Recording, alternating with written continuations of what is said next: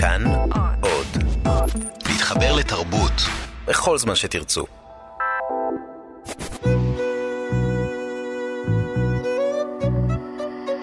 ליסה פרץ משוחחת. שלום לכם מאזיני כאן תרבות.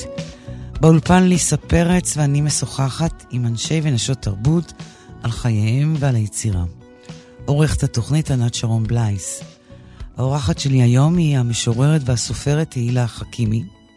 לאחרונה ראה אור ספר שלישי שלה חברה בסדרת המעבדה של הוצאת ריסלינג. שלום תהילה. שלום. מה שלומך? טוב, טוב. אני רוצה שתספרי לנו, אה, למאזינים יותר נכון, בקצרה, מהו הספר החדש לך, על מה הוא נסוב, מה הנושא המרכזי של הספר. נראה לי שאם אה, במילה אחת, אז, אה, אז זה כנראה ספר על עבודה. אה, אבל כבר קיבלתי נזיפה על הדבר הזה, מדוע? כי אה, אולי זה קצת אה, מילה שמצמצמת אותו, כי נראה לי שאולי זה גם ספר שמנסה לדבר על המצב שלנו, אה, על מצב של אישה בעולם, אבל עושה את זה מ... מתוך מרחב מסוים. מרחב של עבודה. מרחב של עבודה, כן. ומנסה לשחק אולי עם הגלגולים שלו, של המרחב הזה, אה, בזמן ובמקום, אה, בצורה יותר אה, ככה נרטיבית אולי, אז יש בספר שלושה סיפורים, אפשר להגיד, או שלושה חלקים. החלק הראשון הוא סיפור על חברה שפושטת רגל, שיש בו גם קול של אישה בחלל עבודה שמלווה את המהלך של הסיפור הזה. אמ, הסיפור השני הוא סיפור על אמ, קבוצה של נערים, והוא קרה בעבר, סיפור, אה, ב nineties, באיזה עיר פרברית, קצת דומה לזו שאני גדלתי בה חלק מחיי. Um, איזה עיר גדלתי? זה לא ממש עיר, זה יישוב, זה כזה... איך קוראים לה? שום מקום, שקוראים לו שוהם. ושם קורה, יש שם איזה נער שנעלם, ילד אפילו, לא נער, זה קצת עוקב אחרי הסיפור הזה. אה, אולי אפילו כמעט סיפור בלשי כזה. אמ, נחמד. אוקיי. לא, זה סוגה, זה סוגה ש- שמעניינת אותך? Um, אני לא יודעת אם היא מעניינת אותי עדיין לכתיבה, אולי בחש, בחשש כזה, חוששת מ- מלנסות לכתוב, אבל um, תמיד אהבתי. אגתה קריסטי, וכשהייתי ילדה אז שרלוק הולמס, ו... ועכשיו כזה, אני מאוד אוהבת בארץ את דרור משעני, אה, וגם את שמעון הדף, למרות שהוא, הבלש שלו הוא קצת אחר. כן. אמ, על מה ומה הסיפור השלישי מתמקד? אז הסיפור השלישי הוא כזה, יש בו מין אלמנטים סוריאליסטיים אולי, זה מין עתיד אפשרי, לא אפשרי כזה. זה סיפור על אה, בחורה שמקבלת איזושהי הצעה לרילוקיישן, שזה אולי החלום הנחשף של אה, העובדים הישראלים בתעשיית ההייטק וגם בתעשיית הלואו-טק. אבל ההצעה הזו היא קצת אחרת, זה מין רילוקיישן מסוג אחר, שאמור לשחרר אותה מעצמה. אוקיי. ומבין שלושת הסיפורים שמרכיבים את uh, חברה, איזה מהסיפורים את מרגישה שהוא הקרוב אלייך ביותר בחיים האישיים שלך? כי בחיים האישיים שלך, שאינם ספרותיים, את מהנדסת uh, מכונות, נכון? נכון, כן. נראה לי שה... ואת עובדת בחברה. נכון. עכשיו אני בין עבודות, בין חברות, אוקיי. אבל uh, בגדול, כן, ברוב, ברוב החיים הבוגרים שלי עבדתי בתחום ההנדסה. תכף כבר... נ- נגיע ללמה הלכת, ל- למה בחרת במקצוע הזה כמשלח יד, אבל מבין הסיפורים האלה, מהו הכי קרוב אלייך לחיים שלך? אני חושבת שכולם, אה, יש להם נגיעה בחיים שלי או בביוגרפיה שלי, מכיוון אחר. נגיד, אני, כשהייתי נערה, אז עבדתי במקדונלדס, אז התיאורים והתחושות והריחות זה דברים שאני לגמרי, אני מכירה, אני זוכרת. אה, עבדתי בחברה שפשטה את הרגל. אה, היה לי מנכ"ל שקפץ על השולחן, כמו בחלק הראשון. היה לך כזה מנכ"ל? כן, ולפעמים אני גם קצת מפנטזת על איזה מין אפשרות פשוט לפרוש מהכל, בלי להצטרך להגיד את זה, שזה קצת מה, מה שקורה בסיפור השלישי. אבל נראה לי שאני הכי אני, זה באמת אולי הקול הזה, של אישה בחלל עבודה. אמ, שזה קצת, אה, אולי קצת מפחיד אותי להגיד את זה, כי יש בו משהו מאוד מלנכולי כזה, ועצוב, וכזה מאוד חנוק. חנוק, כן. אפורי. אבל uh, נראה לי שזה מה שהכי קרוב אליי, uh, אולי מה שהיה הכי קרוב אליי כשכתבתי אותו, okay. באותו רגע. את מהנדסת uh, מכונות טובה? כן. מה זה אומר להיות כן. מהנדסת מכונות טובה? תראי, זה תחום מאוד מאוד רחב. כאילו, אני חושבת שגם הרבה אנשים לא באמת יודעים מה זה. מה זה? מה זה, כאילו, את כאילו הרופא של? המכונה? גם, גם. זה, אבל זה, איזה מכונה? אז זהו, אז התחום הוא מאוד רחב, בגלל שבעצם כל דבר בעולם, הם, כמעט, מייצרים אותו באיזה מפעל. צריך לתכנן אותו לפרטי פרטים. אוקיי.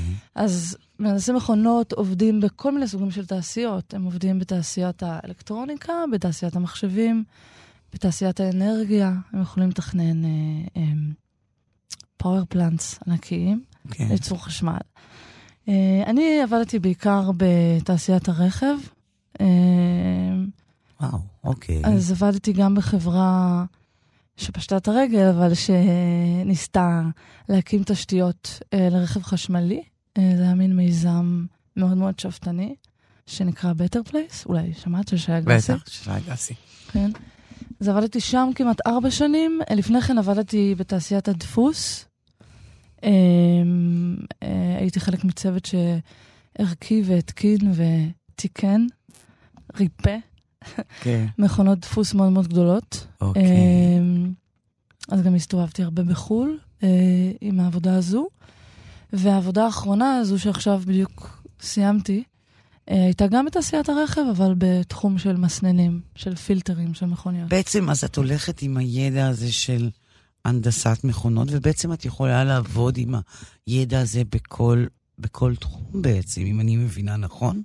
אה, לפעמים קשה לעבור בין תחום לתחום, כי כבר מבקשים ממך לבוא עם רקע בנושאים מסוימים. אני גם פחות עושה תכנון, אני כבר יותר בתחומים של הנדסת מערכת, שזה מין להסתכל באופן כזה מלמעלה על הדברים. אוקיי. אה, או ניהול פרויקטים, שזה בעצם... ניהול פרויקטים זה ניהול פרויקטים, את יודעת, זה כזה... הייתי יכולה גם, לצורך העניין, להיות מנהלת פרויקטים בחברת שיווק או במקום אחר, אבל... ואז זה נגיד כן תחום שיותר קל אולי לזוז ואת בין תחום אמרת שאת לתחום. מהנדסת מכונות טובה. מה זה אומר? תסבירי מה, זה, מה הופך אותך לטובה? אני חושבת שאני פשוט עובדת טובה. באמת? כן. מה זה אומר? מה המשמעות של זה? אני חושבת שזה... מלבד חריצות, או סקרנות, כן. או ידע וסמכות שיש לך. מה זה אומר להיות טובה בזה? את אוהבת את זה? זה לא בהכרח קשור לאהבה. אני חושבת שזה משהו שכזה, החריצות והזריזות והיצירתיות אולי, האחריות. אני חושבת שזה בעיקר עניין של איזשהו אה, מחויבות ואחריות לדבר, שבדרך כלל מנהלים מעריכים. כאילו, גם מה זה עבודה טובה? את נמדדת בסוף מול מישהו, מול איזושהי סמכות שהיא מחליטה אם את עובדת טובה או לא.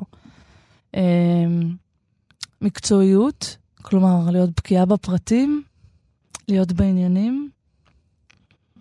יש מקומות עבודה גם שאת יודעת, עובדת טובה זה אומר שאת עונה מיד על כל שאלה, או זמינה בכל שעה של היום. אז עם השנים אני מותחת יותר גבולות, אבל uh, נראה לי שזה פשוט uh, מין משהו שאני וכל האחיות שלה, שלי, כאילו ככה גדלנו בבית, של מין... Um,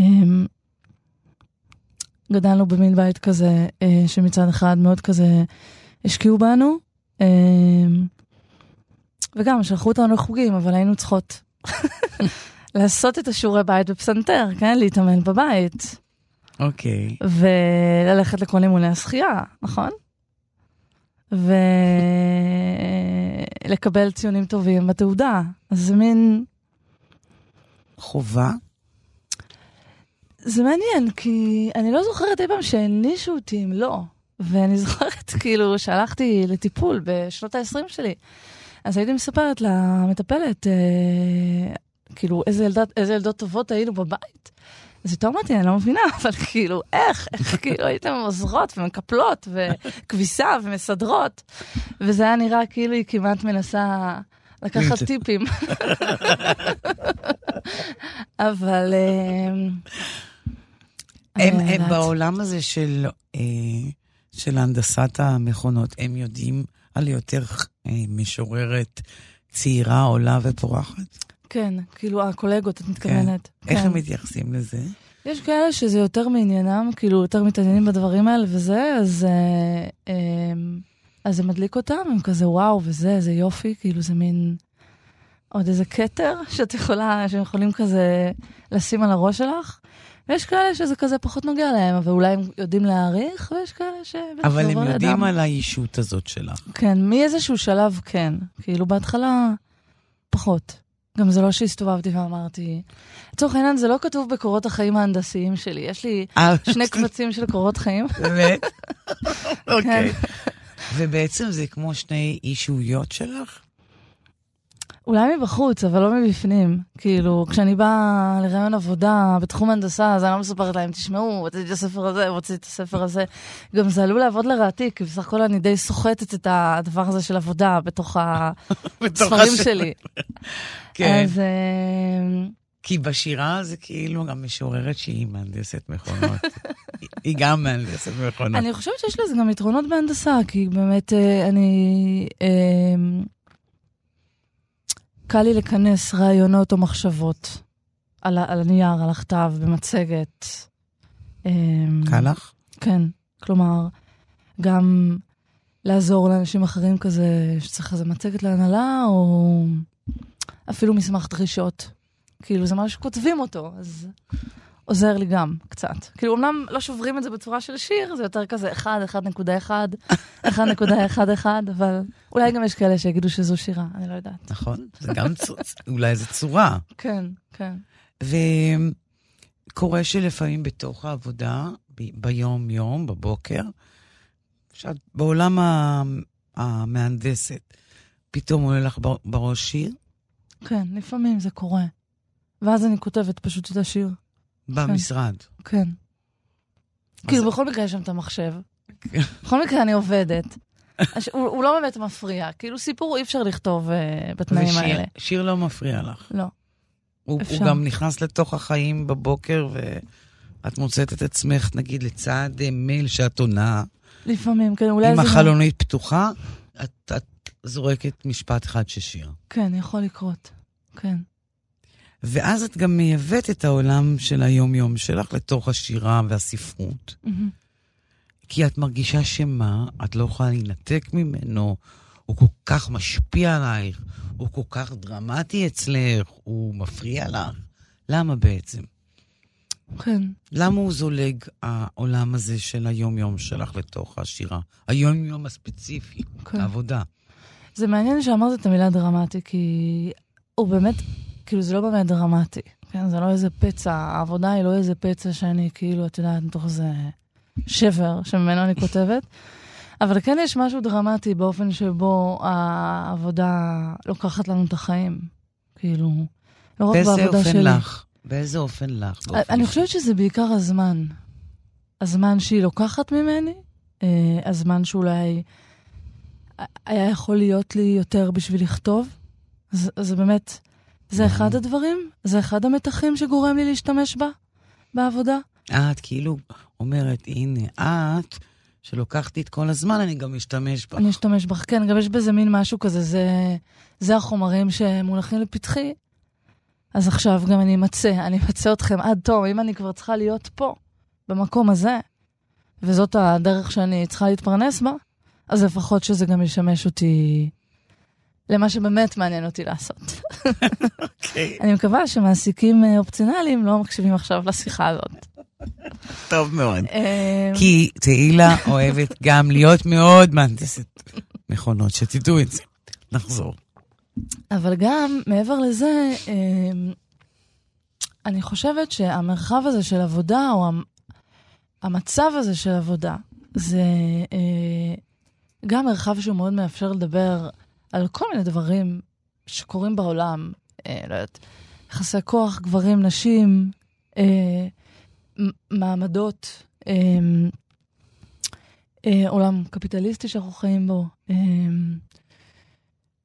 מה את למדת בחיים הקצרים בינתיים שאת מנהלת כעובדת, על היותך אישה בתוך מקום עבודה? מה, מה הדברים הכי חזקים שלמדת, או שאת, שהם חקוקים, או שעיצבו אותך? כן, למדתי הרבה דברים. כאילו, אני אנסה כזה לבחור כמה קטנים. אני חושבת, גם אני, אני, אני עובדת בתחום, אני נמצאת בתחום שהוא מאוד מאוד רווי גברים, ו... ממועט בנשים. אז אני חושבת שגם החוויה שלי היא מאוד מאוד קיצונית בתור אישה. אז גם למדתי שלפעמים כשאת האישה היחידה בחדר, את ממש במצב של או מגננה או מתקפה. של שפה מסוימת, צריכה ללמוד להתמודד עם שפה מסוימת, שהיא מאוד מאוד גברית, היא מאוד סקסיסטית, היא מאוד מקטינה אותך. את ילדה חמודה, ככה... ביתי, ביתי? למשל. ככה. את יודעת, לפעמים את גם עובדת עם מהנדס בן 60, ואת באמת את יכולה להיות ביתו. אבל זה לא סיבה שהוא יקרא לך. בדיוק, אבל זה בדיוק באותה לא נקודה ביתו. בחדר, שאת כאילו, נגיד, מתווכחת איתו על משהו, מתפלפלת איתו על משהו, לא יודעת, או את כרגע זו שמחליטה, אבל את ביתי. אוקיי. אז נגיד זה, זה כל הזמן אה, להיות נתונה על ה... לאווירה הזאת אפילו, לפעמים אפילו זה לא באופן ישיר כלפייך. לפעמים זה בשפה. בשפה. זה ב- בדיבור על מישהי אחרת, או על מישהו אחר. אגב, גם גברים נפגעים מזה, גם גברים, גם יש גברים שזה לא מקובל עליהם, השיח הזה. אז זה למשל, אה, כמובן, דברים שהם, אני חושבת שכל אחד מבחין בהם, שלנשים יותר קשה להתקדם, שלנשים יותר קשה אה, לעבור אה, בתור פשוט בן אדם, נגיד, אה, סמכותי. אה, פשוט בן אדם מקצועי, או בעל סמכות. היא תמיד כזה או היסטרית, או קשה, או היסטרית. רגשנית, או למה את עושה עניין, כאילו, להבין איך, איך התנועה שלך היא תמיד אחרת, היא תמיד יותר קשה, תמיד עם הרבה יותר חיכוך, הרבה יותר התנגדות. אה, ונאמר על מעמדות בתוך העבודה, מה למדת, חוץ, מלבד העניין המגדרי.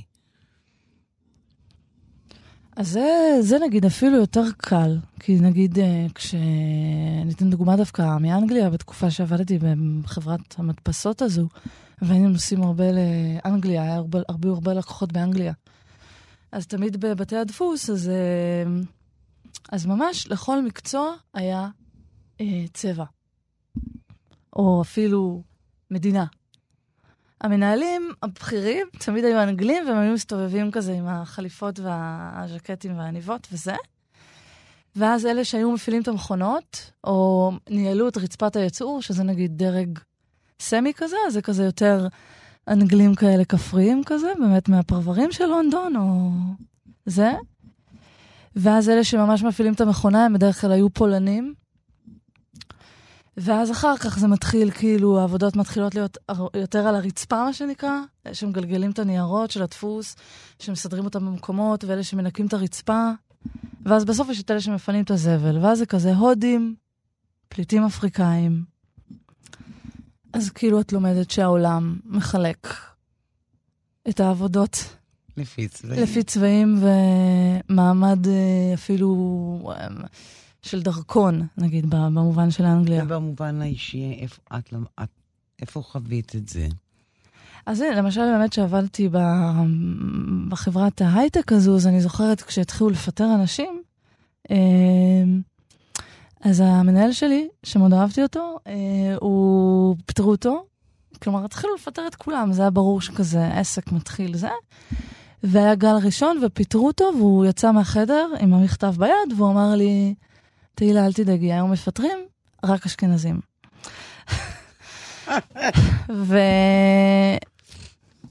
ובאמת, חוץ ממני ומעוד uh, בחור שעבד איתי במבריק, שהוא היה טכנאי שלנו, אז היינו, באמת, כולם היו אשכנזים, היינו שני המזרחים היחידים במחלקה. איך את מסבירה את זה? אז זה נגיד, בהייטק יש את החונטה של הצבא. כלומר? כלומר, אם באת מיחידה, זה יכול להיות יחידת מודיעינית, איזו יחידה מודיעינית כזו, אה, עילית. זה יכול להיות אה, יחידה מיוחדת, עילית. ואז הם דואגים אחד לשני, הם מזמינים אחד את השני, יש להם רשתות כאלה של... אה, חברתיות. כאלה של, את יודעת, כמו אול uh, ג'ובס שלהם, אבל כן. רק שלהם. מביאים אחד את השני, שיש בזה משהו יפה, כי הם דואגים אחד לשני. סך הכל למצוא עבודה זה לא כזה קל. אבל אז אה, יש הומוגניות. ובאמת, את רואה הרבה פעמים כשאת נכנסת, רואים את זה גם בעיתון, אה, חברת אה, XYZ עשו אקזיט. כולם גברים, כולם ואז לבנים. כולם כאלה בחורים צעירים, חמודים, מרעננה, הוד השרון ו... כמה נשים. כמה נשים מזרחיות עבדו איתך בתפקידים ובמעמד שלך? בחברה האחרונה, אה, זו הייתה חברת לואו-טק, כאילו תעשייתית, מה שנקרא, והייתה באשדוד. אז דווקא רוב המחלקה היינו או מזרחים או רוסים. כי זה כזה יותר אוכלוסייה באמת שמגיעה מהאזור ההוא. אז אה, דווקא שם זו הייתה חוויה אחרת. אבל בהייטק, אחרת באיזה מובן? במובן של אנשים שאת עובדת איתם, שבאים באמת מכל מיני אזורים, אנשים גם יותר מבוגרים. אה, היו לי קולגות, נשים, מהנדסות אה, שבאו כזה, עלו מחבר המדינות בשנות ה-90, וכאילו, נשים עם קריירה של 40 שנה, וואו, כן, הרבה יותר מגוון, הרבה יותר מעניין, יותר אנושי גם באיזשהו כן, אופן, הייתי אומר. כן, גם אם זה הלואו-טק ולא ההייטק. נכון. אוקיי. את uh, התחלת את דרכך בשירה בקבוצת ארס פואטיקה, נכון? זה היה מתי בדיוק? בואי תמקמי אותנו. נראה לי שאני התחלתי להשתתף ב... באירועים אה, ב-2013 בטח זה היה. אוקיי. אז זה כזה כמעט שש שנים. איך מצאת את דרכך לקבוצה? את האמת, אה, הייתי בערב שירה. כאילו, לא, הגעתי ל- לשמוע על הדבר דרך איזה פוסט שראיתי בקפה גיבר- גיברלטר, אה, זיכרונו לברכה, או... כן. והיה שם שיר של עדי קיסר על סבתא שלה, ושחור על גבי שחור, ואני זוכרת שקראתי אותו, וממש אה, בכיתי. כלומר, לא שבכיתי עכשיו, את יודעת, זה, אבל כאילו ממש, הוא ריגש אותי ממש עד אה, עמקי נשמתי. ואז הלכתי לערב, וראיתי את, אה, את עדי, ואת אה, אלון בר, ואת אה, שחר מריו מרדכי, ואת לורן מילק, ואת כולם כזה. ישראל דדון. והבאתי שם חברה, והיא אמרה לי, והיא ידעה שאני כותבת, היא אמרה לי, אולי, אולי תשלח- תשלחי להם גם, אולי תשתתפי גם. אמרתי, לא, לא יודעת, כן יודעת, ו... ואז כזה אמרתי, טוב, אני אנסה, ו... ומצאת... ובאיזה אופן זה טבעי לך להיות בקבוצה כזאת? כי מה? למה טבעי לך להיות בקבוצת ארס פואטיקה? קודם כל, אני, אני יודעת שכזה... מבחוץ קוראים לזה קבוצה, אבל אני לא מרגישה שאני השתייכתי כל כך לקבוצה. כלומר, אני גם אסביר, חלק מהאנשים באמת הפכו להיות חברים קרובים, גם באמת בתקופה ההיא האינטנסיבית, שגם היו הרבה אירועים, וזה אינטנסיבית מבחינת, כאילו, באמת שהיו הרבה אירועים, ו... אבל גם בכלל, ואחר כך. אמ, זה לא שהיינו נפגשים כקבוצה או יוצרים כקבוצה, אה, זה באמת גם משהו שעדי עשתה, היא זו שהפיקה את האירועים, שהזמינה אותנו לאירועים, ש... יזמה, כן, הקה. ואחרי זה גם לקחה ארגנה. אותם לכל מיני מקומות אחרים. אה, אז במובן הזה, אה, אבל מה ברוח של ה... אז אני חושבת שברוח באמת היה משהו קודם כל בקולות של האנשים, גם אולי באמת, כמו שאת אומרת, כשאת מסתכלת כקבוצה, נגיד אותו ערב שהייתי בו, שמעתי את אלון בר שמקריא שיר על אור יהודה, שזה כזה מקום שהוא מוכר לי, מבחינת גדלתי ביישוב ליד. ואת שחר מריו מרדכי קורא שיר על, אה, אה, על אה, אבטלה. אז באמת אה, היה משהו בקולות שלהם שהרגשתי שהוא מדבר אליי, הוא מדבר אותי. אה, גם חוויות של אישה מזרחית, חוויה, חוויות של בן אדם שהוא אולי אפילו מהפריפריה, שאני אומנם לא גדלתי בפריפריה, אבל אני כזה דור שני אולי לפריפריה, כאילו, ההורים שלי הגיעו מכל מיני פריפריות, אז אולי גם זיהיתי בחלק מהאנשים חלק מהדברים שנגיד ההורים שלי חוו, אוקיי. ונמצא איכשהו בתוך ה... ונמצא בך. נמצא בי, וגם בחוויה, ה- בחוויה שלי מהבית. אמ, וגם אני חושבת, גם בתור, אחרי זה כשהתחלתי אה, להופיע ולהשתתף, אז אה, זה גם היה מין מקום שתמיד היה נעים וכיף ומרחיב אה, לב כזה לקרוא בו שירים. כאילו יש משהו מאוד חמור סבר במקום הזה של. לעמוד על הבמה, וכאילו האנשים האלה שיושבים מולך. ומסתכלים עליך, תמיד יש אור, ואת כאילו עם השיר, ואת כאילו, אני גם לא כזה בן אדם אה, פרפורמטיבי, ונגיד, אני מאוד אוהבת רדיו, כי זה כזה, לא, לא רואים אותי. אה, לא, את... את דווקא יושב עלייך בול הטלוויזיה. אוקיי, נגיד. אבל אה, אז היה משהו כזה מאוד של, כאילו זה באמת משהו שעדי עשתה, משהו של חגיגה, וגם משהו שהקהל, הוא באמת בא כדי להשתתף איתך, או כדי לחוות. כאילו, הייתה איזה מין הרגשה שעמדת על הבמה והקראת שיר, לא היה שום דבר ציני, או שיפוטי. באנשים שעמדו מולך. כאילו לא היה את האור הזה של החמור סבר הזה של החנות ספרים, או של הספרייה, או של ה... לא יודעת.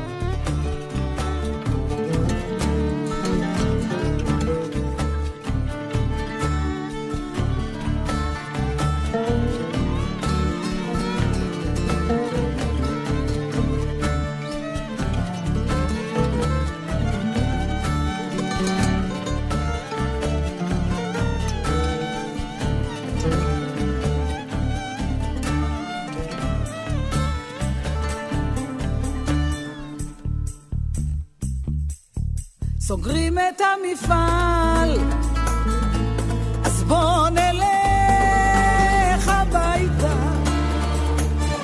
זה לא משתלם, לא משתלם, לא משתלם. זה עניין של כלכלה, של פוליטיקה. עניינים שברומו של עולם, אבל לא בעניין. לא בעניין שלנו, ואתה יפה, כל כך יפה, וכמו אז, גם עכשיו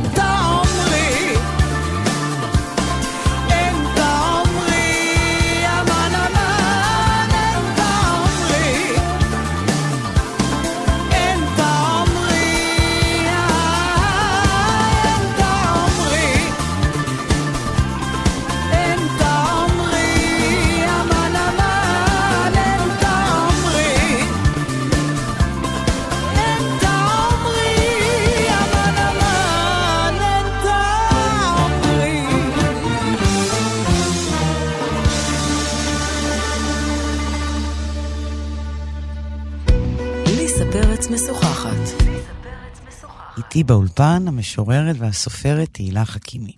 חוויה מזרחית כפי שאת חובה וחווית והוריי חוו והסביבה שלך חוותה. מצאה את דרכה לכתיבה שלך בכל מיני דרכים, נכון? כן, כן. את יכולה לתת לי את הביטויים שהיא מצאה את הדרך? שירים מסוימים, סיפורים מסוימים, דמויות, אפיונים. כן. אני חושבת שבשירים זה מאוד מאוד ישיר לפעמים. כלומר, יש לי שירים שממש מדברים על uh, חוויות בתור אישה מזרחית אולי, או של אולי בית מזרחי. לא המון שירים, אני לא חושבת שהציר המרכזי של הספר שירים הוא החוויה המזרחית, אבל uh, אני חושבת שבספר שירים ראשון הרבה פעמים שזה צורך להציג או לספר איזושהי תעודת זהות ביוגרפית, אז שמה זה מצא את המקום, בתוך תעודת הזהות הביוגרפית, על אימא, על אבא, על סבא, על סבתא. אמ, אולי חוויות שחוויתי אה, על עצמי. אמ, אבל אני חושבת שגם הנושא שבעיקר מעסיק אותי, שדיברנו עליו בהתחלה, הנושא של עבודה, אני חושבת שבאיזשהו מובן, ההתעסקות בו, אולי, גם יש בה איזה משהו אה, שקשור באיזה אופן למזרחיות. תסבירי לי את המשפט הזה. אני כזה נזהרת כשאני אומרת את זה, כי אני לא רוצה להיות החוקרת והמבקרת הספרותית של ספריי, כן? לא, אבל זה... אבל אני חושבת ש... אמ, אני חושבת שהרבה אנשים שהם בגילי אה, וגדלו בבית מזרחי, אה, גם יש כל מיני בתים מזרחים, כן? ההורים שלי הם למדו באוניברסיטה, יש להם מקצועות, אה, אמא שלי הייתה אשת חינוך, אבא שלי רואה חשבון, אז יש להם מקצועות נגיד חופשיים סמי. יש גם משפחות מזרחיות ממעמד הפועלים, אבל בכל אופן, הדרך שבה הוריי טיפסו, אבא שלי משכונת התקווה ואימא שלי ממושב בדרום, או אה, מ... אה, הם היו בעצם דור ראשון אה, של... השכלה. של השכלה, גם של... כסף. ממש קרוא וכתוב. אה, סבתא שלי הפסיקה ללמוד בכיתה ג' או משהו כזה, וסבא וסבתא שלי ממרוקו גרו בכפרים, ולא... לא... אז אני חושבת ש... אה, החוויה, יש משהו בחוויה המזרחית בארץ ישראל, חוויה שאתה יכול להתקדם, את יכולה להתקדם דרך עבודה, אמ, ואז המקום שהעבודה תופסת בתוך החיים שלך, או אפילו כערך, הערך הזה של לעבוד קשה, של להשיג דברים באמצעות, ה, באמצעות העבודה. גם הסיסמה הזאת של מי שעובד קשה מצליח, נכון? כאילו, הנה, עבדתי קשה, תראו לאט לאן הגעתי. זה נורא כן. קפיטליסטי, נכון, תחשבי. נכון. הם, הם הפנימו את הגישה הקפיטליסטית. לגמרי, וגם, את מסתכלת היום על uh, מזרחים מצליחנים, זה בדרך כלל uh, מזרחים עשירים. Uh, ברור. Uh, כלומר, שבאמת עשו את זה לא ד... פחות אולי דרך האקדמיה, שם הם נבלמו, או דרך uh, שדה המשפט או אמנות, יותר באמת דרך uh, תעשייה, מסחר, uh, אפילו הייטק. אמ, אז אני חושבת שההתעסקות בדבר הזה, הוא גם נוגע, כלומר, בנושא הזה, הוא גם נוגע בסופו של דבר אמ, אמ, אה, בנושא של מעמד ושל המקום שממנו אני באה והמקום שממנו הוריי באים. ואת יכולה להגדיר לי מה היה החוויה או התודעה שעיצבה לך את היותך, אחת מהחוויות או אחת מהתודעות, תודה, אה, שעיצבו את היותך אישה מזרחית?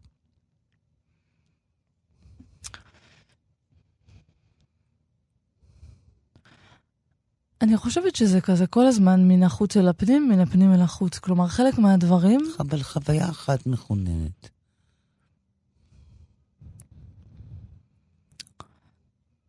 כאילו, חוויה אחת שממש חרוטה אצלי, זה מין חוויה של, אה, דווקא חוויה, לצערי, של גזענות כזו, של... שמתי חווית של... אותה? באחד מהמקומות העבודה שעבדתי, אה, יצאנו פעם באיזו ישיבה, ואולי דיברנו באנגלית, אולי כתבתי איזה מסמך באנגלית, ויש לי אנגלית די טובה. והשותף שלי, השכן שלי בקובייה, אמר לי, תגידי, מאיפה יש לך אנגלית כזאת טובה? אז אמרתי לו את האמת, אה, לפני שעליתי לכיתה א', אבא שלי לימד אותי את ה-ABC והקריא לנו סיפורים באנגלית. אז הוא אמר לי, מה את אומרת? מה, הוא אמריקאי, אבא שלך? אז אמרתי לו, לא, הוא נולד בישראל. אז הוא אמר לי, ואימא שלך? אז אמרתי לו, היא נולדה במרוקו. אז הוא אמר לי, זה לא יכול להיות. וזה נגיד משהו שאת אומרת, טוב, זה לא באמת עיצב את התודעה המזרחית שלי, אבל כאילו, אני חושבת, גם יש משהו, בגלל שהרבה פעמים אנשים בכלל חושבים שאני אשכנזייה, או בגלל... מקסימום חצי אשכנזייה. בגלל השם הפרטי זה לא אפשרי הרי. גם אולי בגלל השם הזה, העגנוני, כן? עגנון. כן, העגנוני הזה, כן, אבל גם uh, בגלל שאני כאילו בעירה, ו... לא כן, יודעת. חכימי זה לא... חכימי, אולי חושבים, הרבה חושבים שאני עיראקית. למרות שפעם מישהו שאל אותי אם אני תימניה. בגלל החכימי, לא. אוקיי. אבל... Uh, אז אני אומרת, אז יש משהו דווקא, הרבה פעמים אני חווה את הגזענות כגזענות הפוכה כזו, של... אמ, טוב, אבל את לא... את לא כמו אלה. את משלנו. גם יש לי שיר על זה בספר הראשון, כאילו. את יכולה להקריא לי אותו? בסוף חזרנו אל מחר נעבוד. מחר נעבוד? זה ספר השירה של תהילה חכימי. היא תקריא לנו את השיר הדווקא משלנו. כן, לא, זה, קוראים לזה, אתם לא מדברים עליי.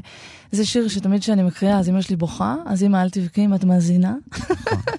נכון. אתם לא מדברים עליי.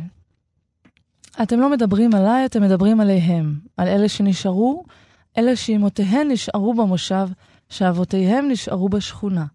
עליהם אתם מדברים. על אלה שנשארו בשיכונים, בנתיבות, באופקים ובקריית שמונה. על אלה שאין להם מה להפסיד. הם כבר פספסו את הרכבת. ישראל. חבל מתחלף בחבל, והם שרים התקווה בת שנות אלפיים. והם לא רוקדים לצלילים של הימים שעוד יבואו, ועוד יבואו ימים, לא בסליחה ולא בחסד. והם יושבים מול הטלוויזיה וצופים בפרסומות, ובתוכניות ריאליטי. הם מניפים דגלים כחול לבן, אתם לא מדברים עליי. אני הייתי באוניברסיטת בן גוריון, בנגב ייבחן העם בישראל. רכשתי השכלה. אתם מדברים עליהם, שנשארו מאחור עם המשפחה שלהם, עם התבשילים והאבק במושבים הזנוחים, עם המטפחת של הסבתות והזקן הלבן של הסבים, עם בנקאים כועסים ומכתבים ממשלתיים. אתם לא מדברים עליי. אני הייתי קצינה בצה"ל, המסדר יעבור לדום. ותדע כל אם עברייה, אתם מדברים עליהם, עם החטא והעין עברית צחה. מה כבר השארתם להם מלבד הייאוש והאבטלה, מלבד הדיכאון והבטלה? אתם לא מדברים עליי, אתם מדברים עליהם. עם המוזיקה המזרחית והכדורגל ביציעים של בית"ר. כשאתם אומרים לי, כל המרוקאים גנבים, אבל את משלנו, אתם מדברים עליי. נורא יפה. שיר נורא נורא יפה. תודה. מתי כתבת אותו? לפני כמה שנים. אני חושבת שכתבתי אותו בסמוך לאותו incident. כזה אולי בעבודה. בעבודה עצמה. כן. כאילו אותו incident סביב... אה, באשקובית שלך? התגלית, התגלית של ה... באשקובית? כן? כן. הוא לא ראה את זה? לא. הוא שמע פעם אותך מקריאה את השיר הזה? אני לא יודעת, אולי ביוטיוב. הוא בטח לא ידע שזה עליו. לא, קשה לדעת. הוא אמר את המשפט הזה, זה מצוטט בתוך השיר, סליחה. כמו, את יודעת. לא יודעת, זה יצא לו מהפה. אנשים לפעמים אומרים, ואז הם שוכחים, כמו פוליטיקאים, אנשים, את יודעת. לא, זה הצחקה. כן. אבל יש לך עוד זהות, שדווקא בא לי נורא לדבר עליה. של התאומות בטח, נכון? בטח. אני מרותקת לתאומים. לא יודעת. מה זה? מי, מי הגדולה? את או חגית? אפרת. אפרת, סליחה. כן. אפרת, כן. אני, אני קצת יותר גדולה, ממש בטווח של, אני חושבת, עשר דקות, אם אני זוכרת נכון. או. זה ממש בום בום כזה, לא באמת, זה עוד עשר דקות של... אמ, אבל לא יודעת, אומרים שבתאומים, זה שיוצא ראשון הוא זה שקונסיבד שני. אוקיי. אז אני לא יודעת. תשמעי, זה באמת, זה חוויה של כפילות. שהיא גם מהנדסת מכונות. אפרת, אה, אחותי, היא... האמת, היא בכלל התחילה בבית ספר לרפואה. היא עשתה שנה א' לרפואה, ואז היא עברה לתחום ההנדסה, ואז היא עברה לתחום האמנות, שבעצם זה היה המקום תמיד, כאילו גם כשהיא הייתה בשנה א' ברפואה, הייתה מציירת, הייתה משקיעה מאוד בציורים של גוף האדם, ואחרי זה גם בהנדסה היא... טוב, זה גם באמת תחום יצירתי היא וויזואלי. גם מפוצלת כמוך. כן. אבל uh, עכשיו היא כזה לגמרי באומנות, והיא בארצות הברית. היא כן. עושה שם תואר שני, והיא עושה שם חי. ומה זה לחיות בשניים? מה זה אומר? תראי, זה מחולק לתקופות, כי בהתחלה זה באמת מין כפילות שאת חווה אותה ביום-יום, כי את באותו בית, ואת הולכת לבית ספר, וכל הזמן החוץ רואה אותך יחד. כמו שצחקנו לפני הזה, תגידי משהו, תגידי משהו, אתם תאומות, כאילו את כמו סלבס מילדות. כזה, ממש, אני זוכרת אה, שהיינו, נגיד, סתם הולכים כמשפחה לטיילת, אז ממש, אתם תאומות? כאילו כזה. ו... אבל גם יש בזה הרבה כוח. אה, נגיד, גדלנו בשכונה כזאת, שהרבה בחוץ, ו... לא איזו שכונה קשה, אבל כן שכונה שאת יודעת, הולכים קצת מכות ויש עניינים, אז כשאת שתיים, אז כאילו, יש לך את ה... הגנה. כן. אבל אז באיזשהו שלב צריך גם לעבור איזשהו תהליך של אה, פיצול. כל אחת שתמצא את מקומה. יש גם הרבה קשר שהוא קיים גם כש... כלומר, אני מאמינה. להרגיש ולדעת אני מאמינה שיש שקורים. משהו מיסטי בתאומים. לחלוטין. תסבירי לי איך זה בא לידי- לידי ביטוי אצלכם. קשה להסביר את זה, זה גם, את יודעת, בזה משהו נורא אישי, אבל כאילו באמת זה ידיעה. ידיעה על דברים שקורים. ידעתי. את יכולה להשלים משפט? לזה, בלי, בלי לא, כאילו זה... ברור. ברור, זה גם, את יודעת, היא גם יודעת להשלים. ברור, וזה גם, אם יש לנו חברה משותפת, אז בדיוק אפרת אמרה לי את זה, זה בדיוק מה שתהילה אמרה לי, כזה. אוקיי. אבל גם זה לא כזה מוזר, בסוף אתה באותו בית גידול, נכון? אבל זה כמעט אותם מימיקות פנים גם. אבל זה גם יש במשפחה, בלי קשר לתאומים, לא? לא. לא? לא? זה כאילו, זה יש בעולם אדם ש... שני אנשים שיש להם אותה חתימת אצבע כמעט. זה נכון. אותו דבר. נכון. אבל הם שונים לגמרי, את מבינה? זה משהו שאנשים לא מבינים. כאילו זה נגיד משהו שאנשים לא מבינים. אבל כאילו, מבחוץ זה נראה... העטיפה, העטיפה כאילו היא באמת... ה- שתיהן הלכו להנדסה, שתיהן גם אמניות במקביל. Mm. כלומר, זה באמת התפצל כמעט די דומה. זה התפצל דומה, אבל יודעת, גם מצד שני, וואלה, אני... אני לצייר פה בית ועץ, ומיד את תבחיני. הנה עובדה שידעת שאני רוצה. לדבר על התאומות, אבל יש זה לי... אפרת, שהיא יושבת פה על הכתף, והיא לוחשת לי דברים. כן, כן? כן. היא לפעמים עושה את זה? היא אחותי יש לה, אבל היא גם יותר גבוהה במיסטיקה. זה כבר קשור לשושלת של המכשפות המרוקאית שעברה אליה. כן? כן, עלייך היא פסחה? כן, היא יודעת, היא קולטת. היא אומרת לי, זה לא טוב, זה טוב. אבל אני אומרת לה, די, תעזבי אותי, אני רוצה להבין לבד. בסוף היא צודקת. אז זה לא קשור למיסטיקה של התאומות. לא. אבל המיסט... לא, זה לא קשור, זה כבר באמת, אולי זה קשור לזהות המזרחית. לא, סתם בצחוק, אבל uh, אני חושבת ש... כתבת עליה? כן, יש קטע בספר, פרוזה. את יכולה להקריא לי אותו? כן. מתוך הספר חברה. זה מתוך החלק השלישי, את האמת. רגע, נמצא.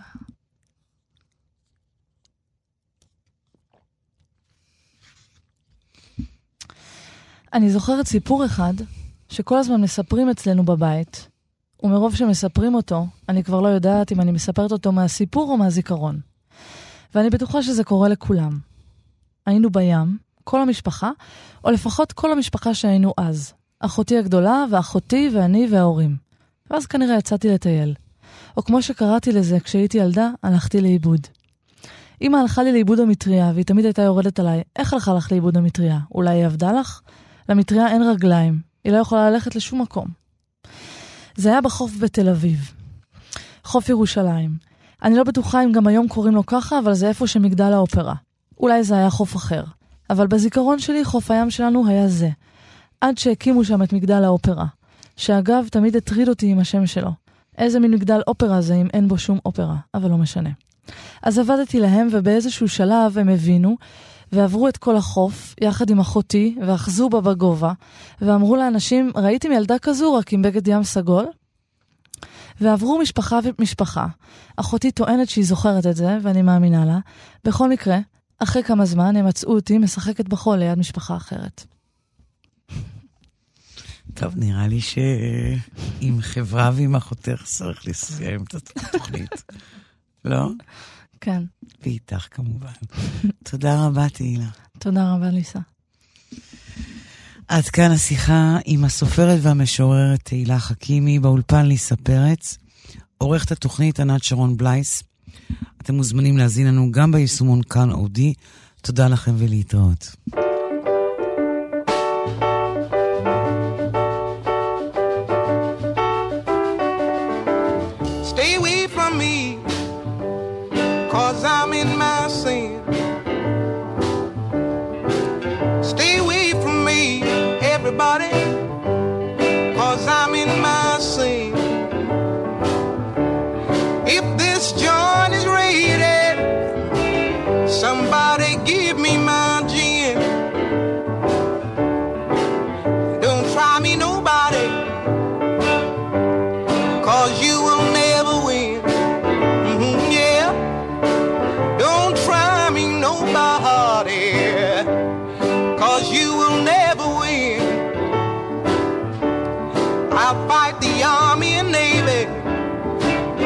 Some